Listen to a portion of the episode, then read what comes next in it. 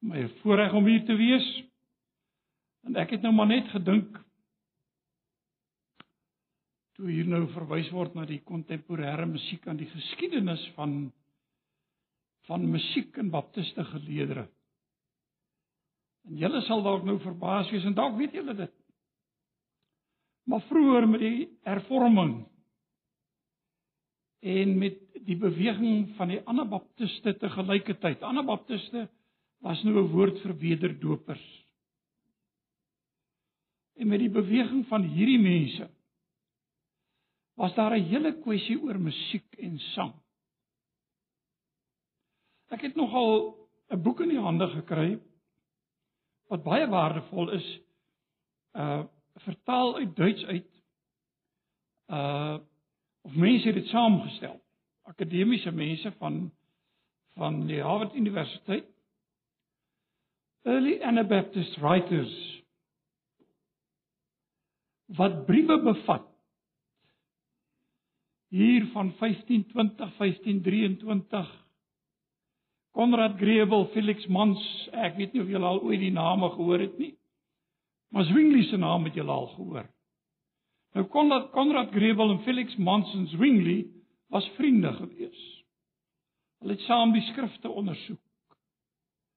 Saam tot 'n konsep gekom van wat die Nuwe Testamentiese kerk beteken. En twee van die manne, Konrad Grebel en Felix Mans, wou dit tot sy logiese konsekwensies voer en het toe natuurlik by die doop van gelowiges uitgekom. En toe Zwingli vasgesteek. En na tyd lank 'n groot vervolger geraak van sy eertydse vriende. Dis nou maar soos die geskiedenis geloop het. Maar hierdie Anabaptiste, hierdie Konrad Grebel skryf 'n brief aan een van die ouens wat ook bekend is en ongelukkig is hy die naam wat bekendheid verwerf het, het Thomas Moenser. En die Thomas Moenser het sommer nou teen als gerebelleer, want hy wou die koninkryk van God nou met geweld hier op aarde kom vestig. En natuurlik het hierdie Konrad Grebel en sy manne hierteen gereageer en gesê geen geweld nie. God vestig self sy koninkryk, dis 'n geestelike koninkryk en jy vestig dit nie met geweld nie. Hy sê as jy terloops ons hoor julle sing liedere, dit hoort nie tuis nie. So daai ouens wou nie eers gehad het hulle moes liedere sing nie, want dit het hulle herinner aan die rooms-katolieke gebruik. Gelukkig het die dinge verander. En vanmôre kon ons lekker luister hoe mooi julle sing. Kom ons buig net vir 'n paar oomblikke ons hoofde in gebed. Here, dankie. Dankie vir elke gawe uit u hand ontvang. Vir musiek, vir sang waardeur ons die naam van die Here kan grootmaak. Ons u kan bely. Ons ons geloof in u kan bely. Tot u roep ook deur die lied.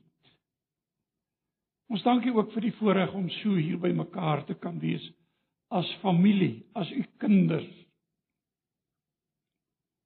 Dat u vir ons hier byeengebring het. Ook rondom u woord. Nou Here, ons pleit dat u die dat u deur u gees stil sal maak in ons harte. Vir ons sal help om deur u woord opnuut u stem te hoor. En dat u sal gee dat by die uitleg en die prediking daarvan terwyl dit in menslike swakheid kom dat u dit sal drywe deur u gees. Want u woord sê die geloof is deur die gehoor. Gehoor is deur die woord van God. En ons wil graag hoor wat die Gees aan die gemeente sê. Ons bid dit in Jesus naam. Amen.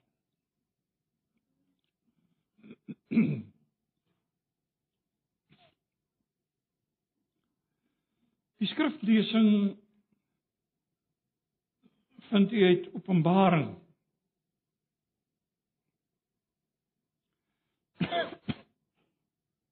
Openbaring hoofstuk 21.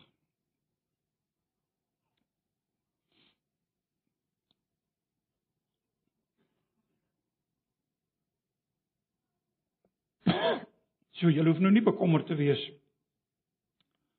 dat ek sensitiewe sake hier gaan aanraak uit Openbaring nie want gewoonlik as 'n mens oor Openbaring praat veral onder predikante en teoloë dan wil jy sê soveel mense soveel opinies. Uh maar die gedeelte wat ek aan u wil voorhou is iets wat geruime tyd nou met my saamloop. En miskien moet ek net vir julle sê voordat ek dit lees ek het sedert my uh sedert die feit dat vandat ek afgetree het het ek nou dis nou die tweede keer wat ek 'n redelike intensiewe studie van die hele boek Openbaring maak. Wat vir my verskriklik baie beteken. En ek weet ons mense is mos maar bang, jy weet, ons wil nie Openbaring lees nie want hulle verstaan nie hierdie drake en hierdie gediertes waarvan 'n mens lees en 'n dier wat uit die see uit opkom en uit die aarde en so meer en so meer nie. En natuurlik is baie van hierdie beelde vir ons nie dis vreemd. Ons ken dit nie in ons eie leefwêreld nie. Maar daar's tog 'n boodskap in Openbaring wat na vore kom. En ek sou graag vanmôre ons fokus daarop wil plaas. Lees saam met my Openbaring 21.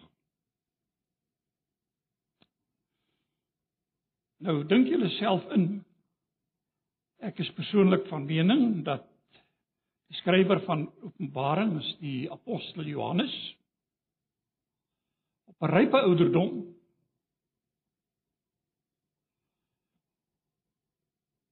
Julle kan vir julle self uitwerk as hierdie brief en dit word redelik algemeen aanvaar dat hy eers hier in die 90er jare na Christus geskryf is of die boek Openbaring is 'n brief sal nou nou iets daaroor sê maar is meer as 'n brief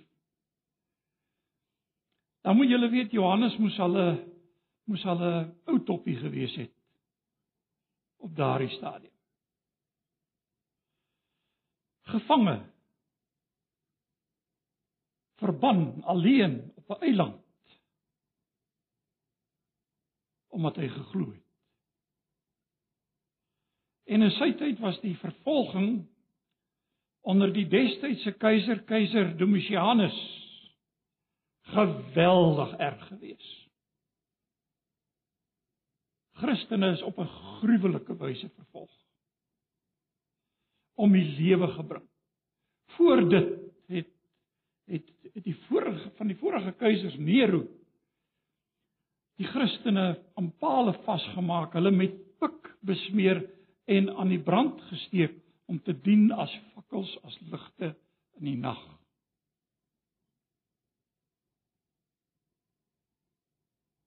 En hierdie mense het vasgestaan.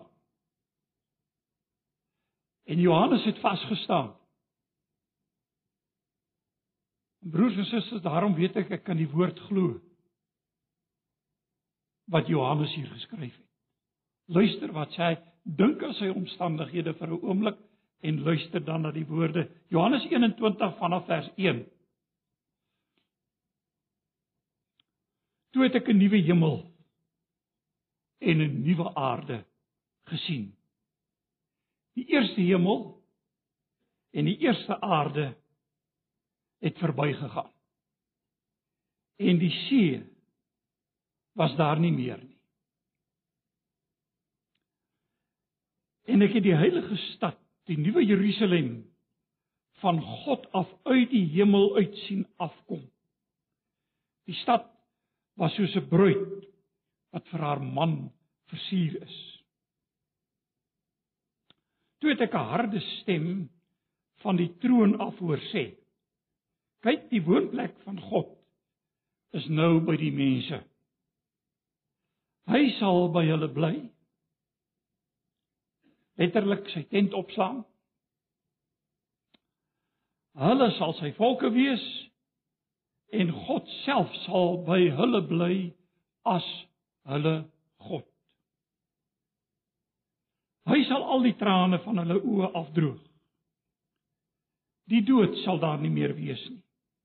Ook leed en smart en pyn sal daar nie meer wees nie.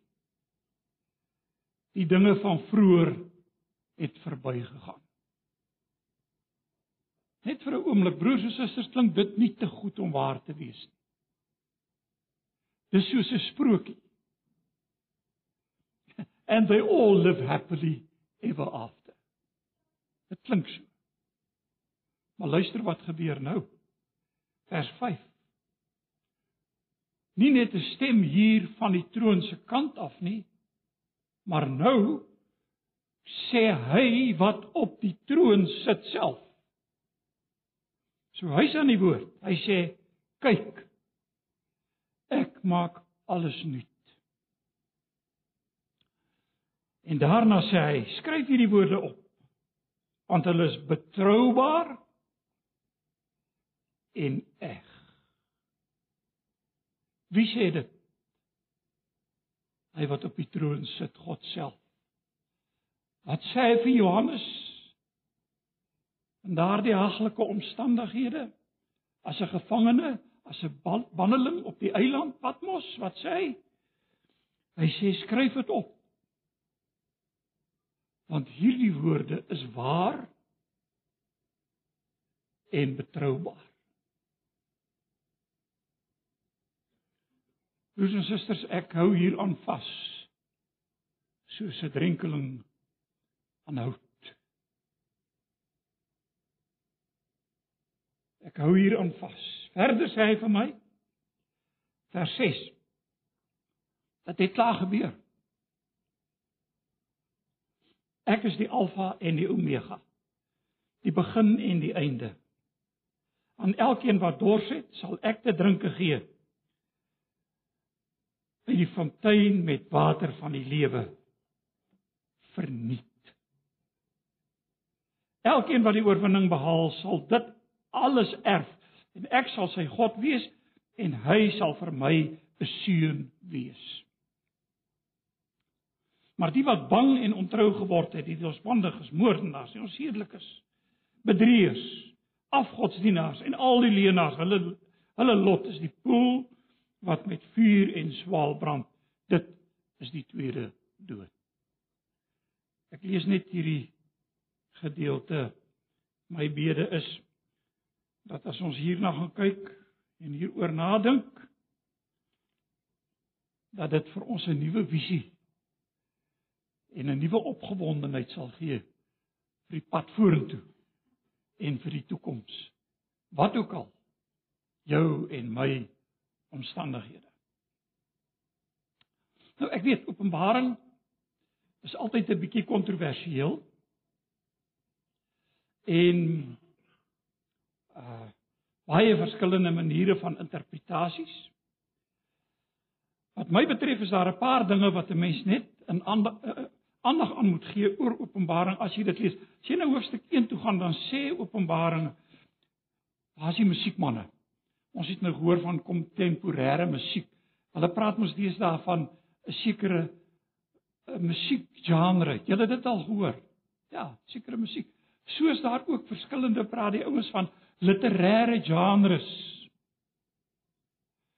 Nou wat se literêre genre is Openbaring? Openbaring sê vir onsself. Luister hier in hoofstuk 1. Wat hier volg is deur Jesus Christus geopenbaar. Daar's die boek Openbaring. Griekse woord wat gebruik word apokalips. Die woord al baie gehoor, nie waar nie?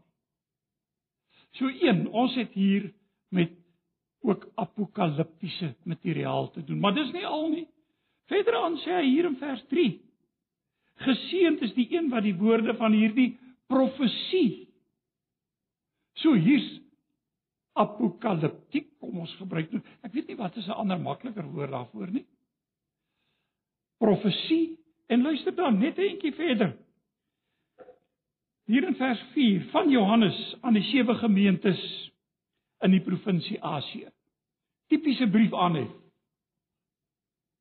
En dan kom daar ook briewe. Sewe briewe aan die sewe gemeentes. En broers en susters, dis letterlike briewe aan letterlike gemeentes geskrywe.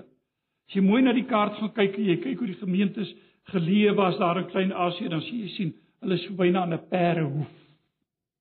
Sodat dit vir 'n ou wat daardie pos aflewer dit moontlik gemaak het om so 'n een eenrigting te kon beweeg om die pos af te lewer. Maar dis 'n brief wat geskryf is of briewe wat geskryf is. So, dis 'n apokalips. Wat beteken dit? Apokalips beteken eintlik en ek gaan nou 'n vreeslike oorvereenvoudiging van die woord gee. Ek weet daar's baie meer gekompliseerd gekompliseerde dinge hier agter, maar ek wil dit so eenvoudig moontlik stel en sê apokalips is amper so iets soos die beskrywing van die einde van die wêreld en geskiedenis in beeld. Beelde word gebruik. En natuurlik die die die probleem baie keer as ons die beelde lees, dan verstaan ons dit nie altyd nie, maar baie keer gee Johannes vir ons 'n verduideliking, die engel gee 'n verduideliking vir Johannes van wat die beeld beteken. Ons kry in die Ou Ou Testament ook apokaliptiese materiaal, Daniël. Daar's in Esegiel, daar's van die ander gedeeltes ook. En dan natuurlik hierdie in Openbaring. Maar ons het ook hier met 'n profetiese woord te doen. Nou, u weet as ons dink aan profesie, As ek nou enige iemand sou vra profesie, wat is dit dan sou jy gesê toekomsvoorspelling? Nie waar nie. Maar dis nie heeltemal waaroor profesie net gaan nie. Inteendeel, gaan lees die profete van die Ou Testament. Natuurlik praat hulle oor die toekoms. Maar hulle preek vir die hede, vir die mense van nou, oor die toekoms wat gaan kom. So dis die goed wat ons in gedagte moet hou en dan natuurlik die briefkarakter van hierdie boek Openbaring. Nou sê ek altyd Openbaring kan ek nie lees as op asof dit 'n boek is wat geskrywe is net vir die 20ste en die 21ste eeu soos wat ons sê die laaste dae is nie. Want Johannes het ook konkreet vir mense geskryf om ook hulle in 'n gegeewe situasie te bemoedig. En natuurlik ook vir ons wat hier sit vandag. Want hierdie woord is net so relevant en net so van toepassing op ons wat vandag leef. Maar hierdie hierdie perspektief moet ek nooit uit die oog verloor nie. Ek ek het altyd was nog ek, ek is nogal partykeer jaloers as ouens skryf. Ek lees nogal partykeer weer dan skryf hulle hier op uh op die internet. En dan dan nou iets gebeur daar in die ooste of waar ook al. En dan haal hulle die tekste vir jou aan hier Ek het my baie keer verwonder dat mense vir jou presies verduidelik van uh van die nuwe tanks in die vuurkrag in die dodelike akkuraatheid en dan haal hulle dit uit die profete uit. En ek wil graag leer om dit ook so te doen. En ek ek kon dit toe nooit regkry nie. So broers en susters, hier's nou 'n teleurstelling vir julle. Eh, ek kon dit nie regkry Uh ek kon ek ek kan nou nog nie al die goed so raak sien soos wat hulle dit raak sien nie. Ek sien ander dinge hier raak, maar dit daar gelaat al wat ek wil hê, onthou net, hierdie woord is geskrywe Kom ons sê 95 na Christus vir mense wat in vervolging geleef het onder keiser Domitianus en wat swaar gekry het. Maar is vir die kerk van die eeue geskryf, ook vir jou en vir my wat vandag hier sit. So dit moet ons in gedagte hou.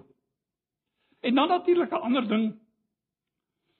Ek het altyd Openbaring aanvanklik gelees. Jy weet jy, jy lees hom soos wat ons nou 'n storieboek sal lees. Of 'n geskiedenisboek. Jy weet jy begin hier en jy lees hom kronologies van A tot Z. En dan sê jy die hele ding is een enkele kronologiese lyn. Nou Openbaring is nie so geskryf nie. Jy sal baie herhalings kry by Openbaring. Sal vind die getal 7 speel 'n geweldige belangrike rol in Openbaring. So onthou as jy 'n studie maak van Openbaring, onthou hierdie dinge wat ek net gesê het, jy kry herhaling. Jy kry dinge wat van voor af. En jy kry byvoorbeeld die sewe. Die sewe seels. Die sewe trompette. Die sewe bakke. Hier in die gedeelte wat ons gelees het. Die getal 7 kom nie voor nie, maar as jy nou 'n bietjie gaan tel. Die woorde van God hier vanaf vers 5, as sewe van hulle. As jy gaan kyk na die slegte dinge. Hierdie van die ou aarde, die ellende, die hartseer, die trane, die dood. As jy hulle gaan tel hier vanaf Fariseë weg gaan met sewe van hulle wat genoem word. So dit word heel dikwels gebruik in Openbaring. Maar weet jy wat ek nou vandag die fokus op wil plaas met hierdie dinge in gedagte as agtergrond. Ons lewe in 'n verskriklike gesekulariseerde wêreld eh, met al sy moderne tegnologie en raak ek nie partykeer benoud met die rekenaar en die selfoon en dan uh, dan is ek nog met verkeerde knoppies en dis nou nie eers meer druk net die groen knoppie nie want die goed werk nou alweer heeltemal anders. En alles verander en die programme vernuut en ek as jy een geleer het volgende keer dan moet jy 'n ander een leer. En as jy hier opgedateer het so rukkie later is hierdie verouderd dan moet jy weer opdateer. Ouens maak lekker geld met die ding nê maar dis die wêreld waarin ons leef. Maar weet jy ons leef ook al hoe meer in 'n kokon Ek het nou ruk terug uh was uh was daar gemeente ete uh by Rietfontein. Nou hele ruk terug. Toe sit daar 'n jong paartjie. Te mooi. En ek het nou my nogal verkyk, maar weet jy wat was die interessantheid? Nie een van hulle het ooit tydens die hele ete woord met mekaar gepraat nie. Elkeen sit met die met die foon. En hulle is besig met die foon. Ons leef in 'n kokon, broer en suster.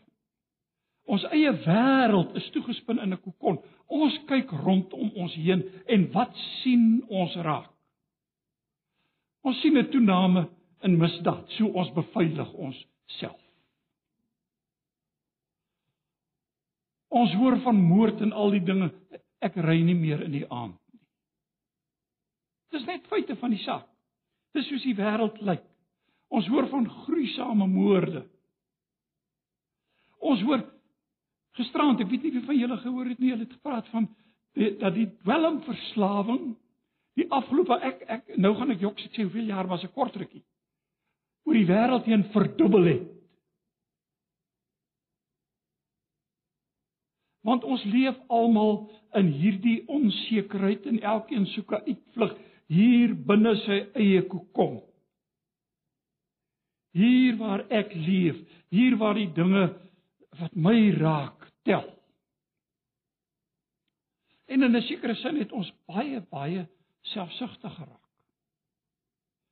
Ag gaan ek bekommer ek my nie oor my eie mislukkings nie. En weet julle, as ek nou terugkyk aan my bediening,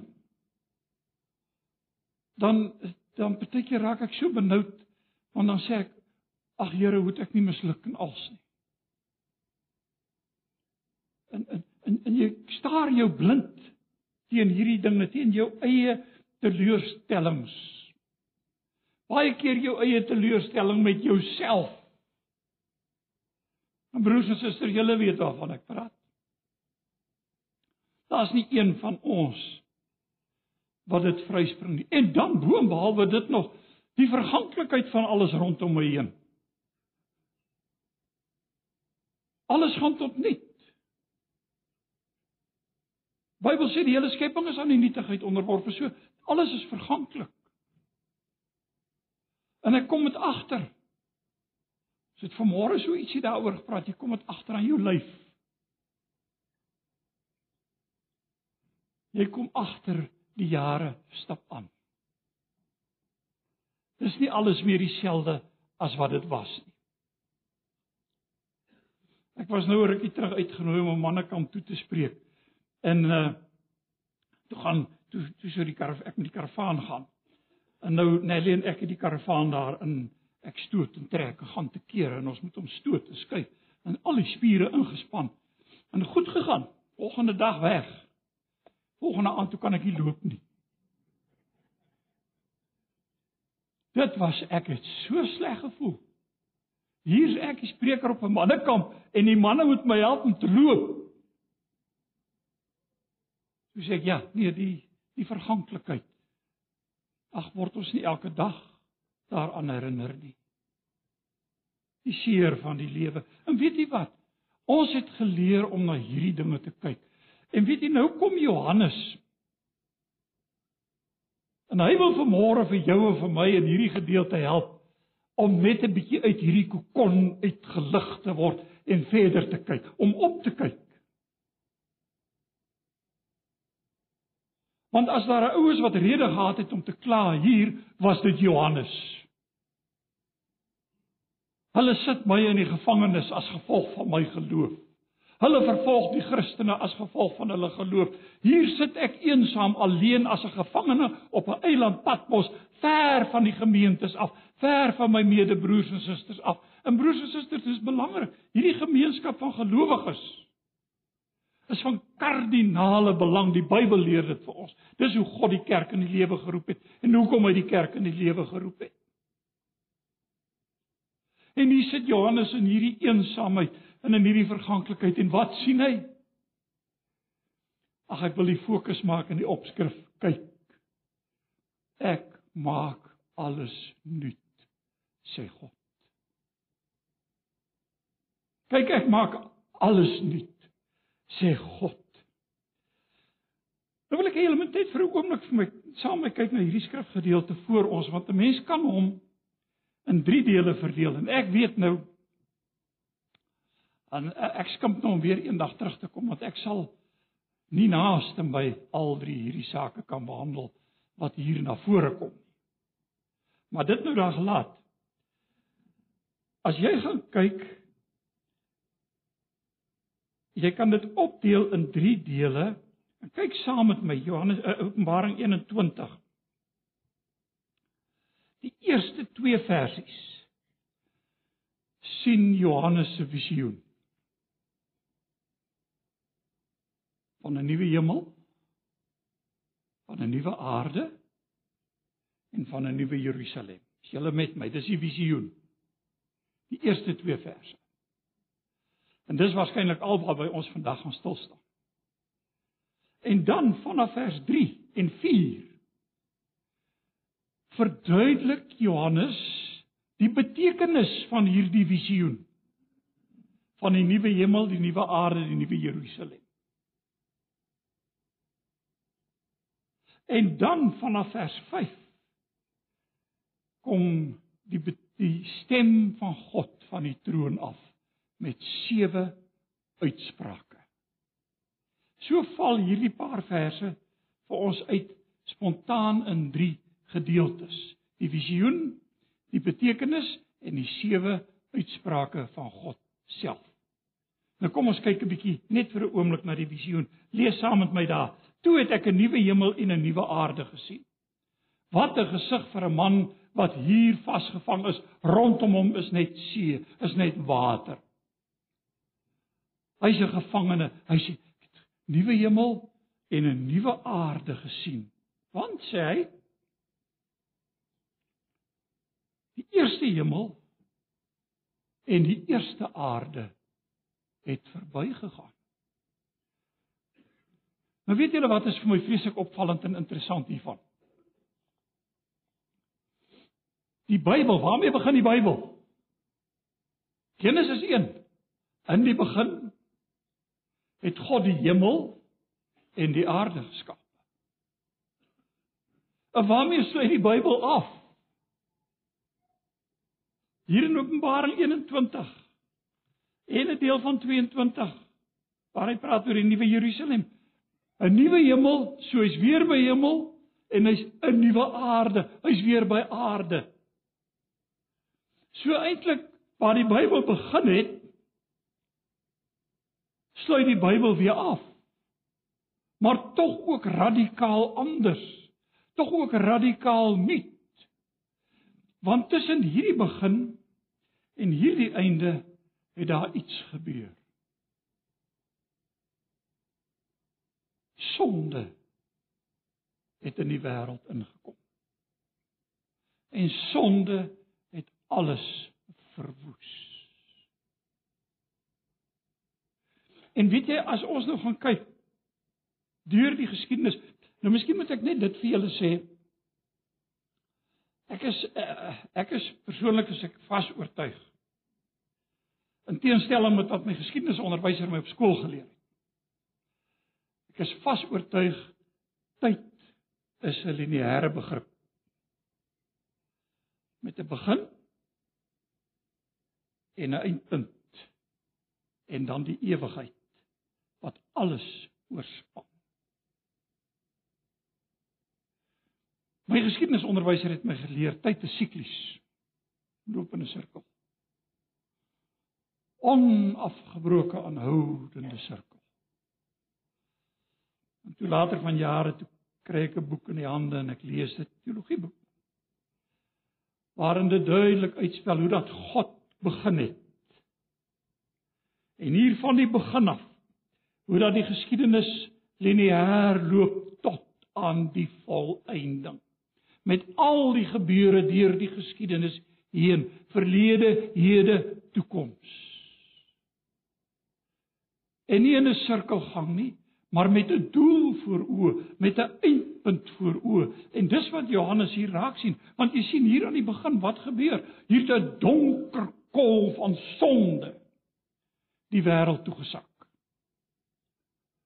Want die sondeval het plaasgevind in die hele skepping sê die apostel Paulus is daardeur aan die nietigheid onderworpe, nie gewilliglik nie. Maar ter wille van hom wat dit onderwerp het. Die hele skepping, want hier het 'n donker kolf van sonde dwars dwars deur beweeg. Begin maar. Adam en Eva. Moord. Kain. Ons gaan verder, mense vermeerder, Noag. En dit was so erg dat die Bybel sê dit het God berou dat hy die mens gemaak het. Onthou jy dit?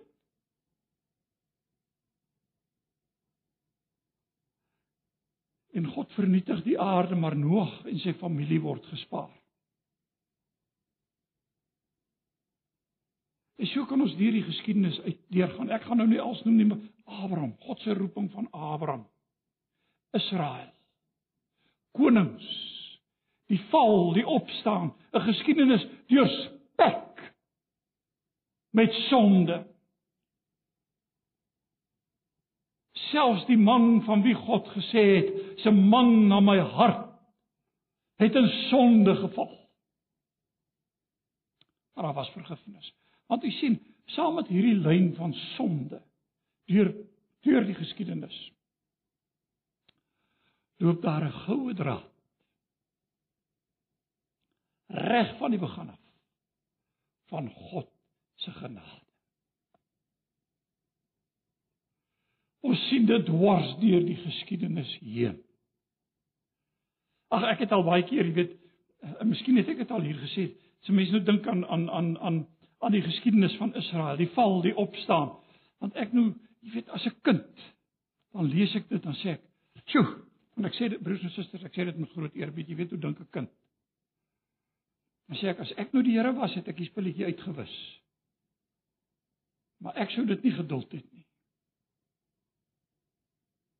Gelukkig is God.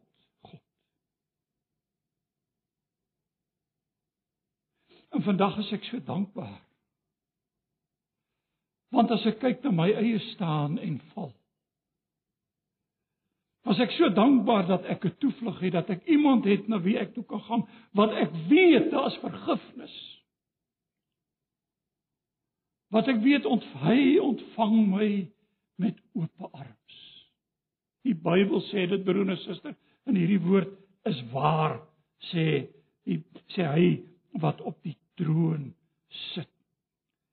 So het hierdie sonde die wêreld besoedel en kan ons hom deurtrek hier tot by Jerusalem. Jerusalem wat so 'n pragtige plek was vir die Jood, so 'n belangrike bakermat in die Joodse geskiedenis. En soveel tragiese dinge wat daar gebeur het, dat konings hulle kinders vir afgode geoffer het. Konings van Juda. Die Bybel sê dit, lees dit maar. Dis hoe hierdie ou aarde lyk.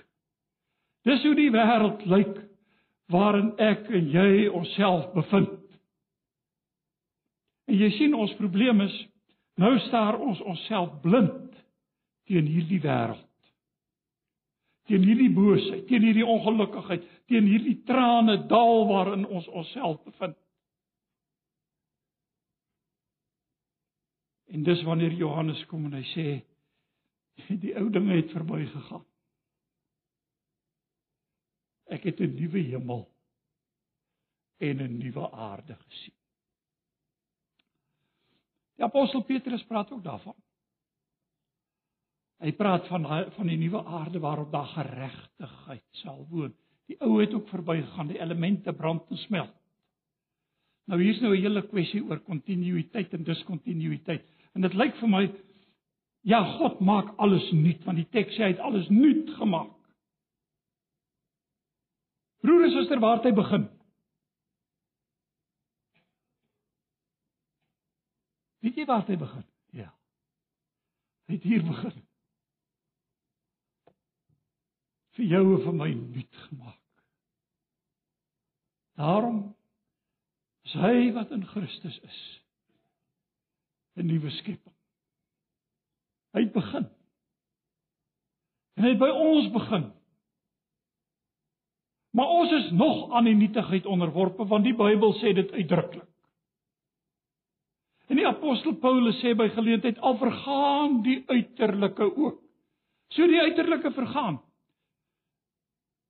Ek wil nou 'n ding doen wat ek nooit doen nie. Maar gaan dit doen. Wie van julle wat bo 20 jaar oud is, steek 'n bietjie julle hande op. OK, vir julle ouens met die hande in die lug. Oor 80 jaar as die Here vertoef om te kom, sal jy nie meer een van ons wees nie. Nie waar nie? Die ou dinge gaan verby. Maar wat sê Paulus? Uiterlike vergaan, maar al vergaan die uiterlike nogtans word die innerlike dag na dag vernuwe. En hier kom Johannes en hy sê ek het 'n nuwe hemel en 'n nuwe aarde gesien. God maak alles nuut. Die eerste het verdwyn. Die eerste is weg. En hy sê die see was daar nie meer nie. Jo, dis nou slegte nuus vir julle ouens wat lief is vir visvang vir die see. Ek weet 'n ou vriend van my en ek het altyd 'n ding oor aan die gang gehad. Hy is baie lief vir die see. Ek is baie lief vir die wildtuin. En dan het ons nou altyd die ding aan die gang gehad. Toe sê ek man, slegte nuus vir jou. Openbaring sê die see was daar nie meer nie.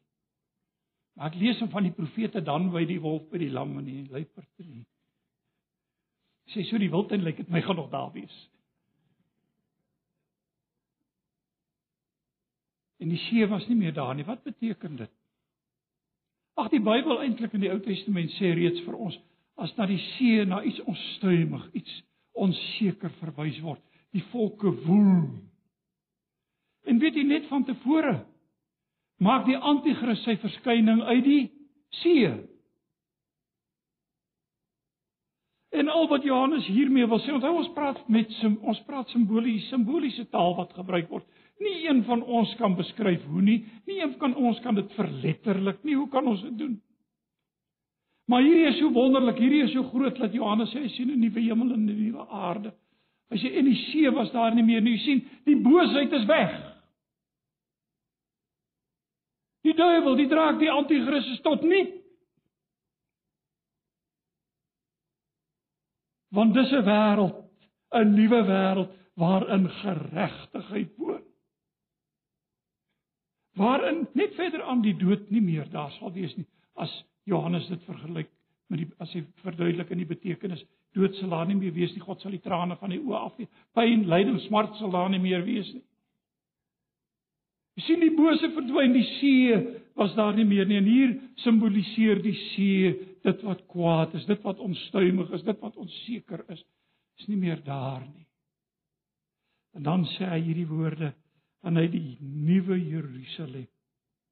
Ag is dit nie mooi nie en ek het die heilige stad vers 2 die nuwe Jerusalem van God af uit die hemel uit sien afkom. Die nuwe Jerusalem. Die ou Jerusalem, waaraan herinner die ou Jerusalem ons? Aan bose. Aan kwaad. Weet jy dat Openbaring by geleentheid Jerusalem en Babylon gelykstel?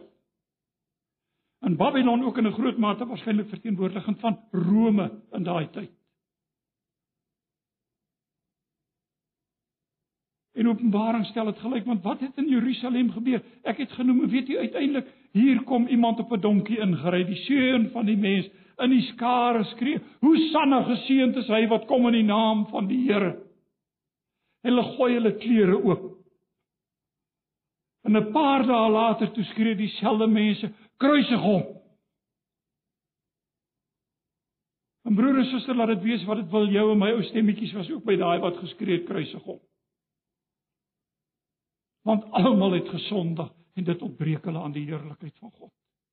Dis waaraan die Jerusalem, die ou Jerusalem ons herinner aan gebrokenheid.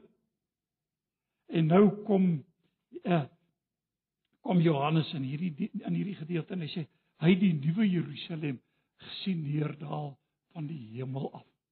Hierdie nuwe Jerusalem is die bruid van Christus. Wie is die bruid van Christus? Hier sit ons, die kerk.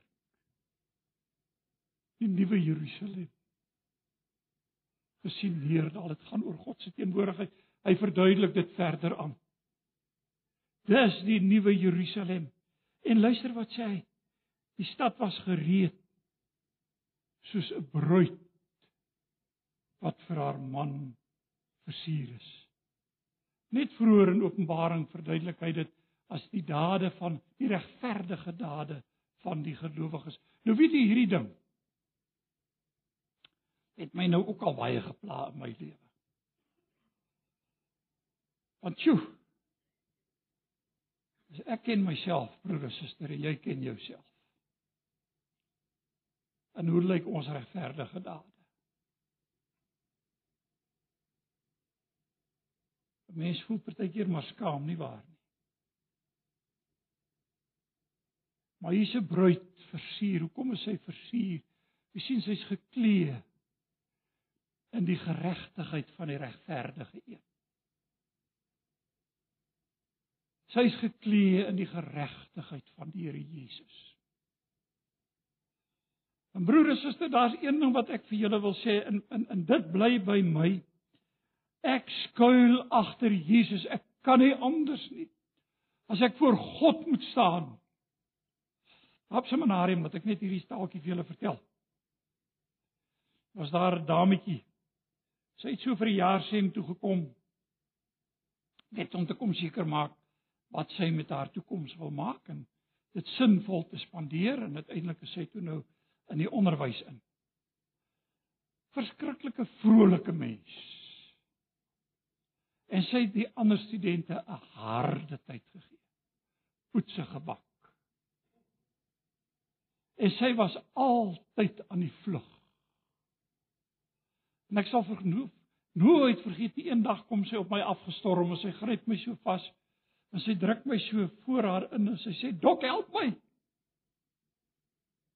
Toe sê ander studente agter haar bloed aan oor wat sy nou weer aan hulle gedoen het en weet jy sê dit nou eendag vir my swaar. Toe sê hy ja Hy sê ek sal ook net Jesus kan indruk. Hy sê help my. Want hy is my geregtigheid. Broers en susters, dit beteken nie ek en jy kan lief soos ons wil nie. Iemand het dit eendag so gestel, niemand word gered op grond van goeie werke nie. En dit is waar. En toe het hy daarop gevolg gesê, niemand word ook sonder goeie werke gered nie. Johannes preek, Johannes die Doper en hy sê vir daai mense wat na hom toe kom, dra vrugte wat by die bekering pas. Maar weet jy waar lê ons vrug? In Jesus en in Jesus alleen. En hier is die bruid versier vir haar man, die kerk. Kan u dink? Dis die beeld wat die visioen wat God vir Johannes gee. 'n Visioen wat vir jou en vir my en daardie arme mense daar in daardie tyd in Klein-Asië onder die vervolging van Domitianus sê Johannes 'n bruid versier vir haar man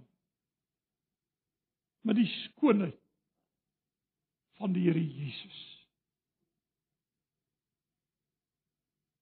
Dis waaroor hierdie visioen gaan. Broer en suster, dis tyd dat ek en jy so 'n bietjie verder kyk as hierdie kokon waarin ek myself bevind. Dis baie dat ek bietjie verder kyk as my seer, my twyfel, my ellende, my vrese.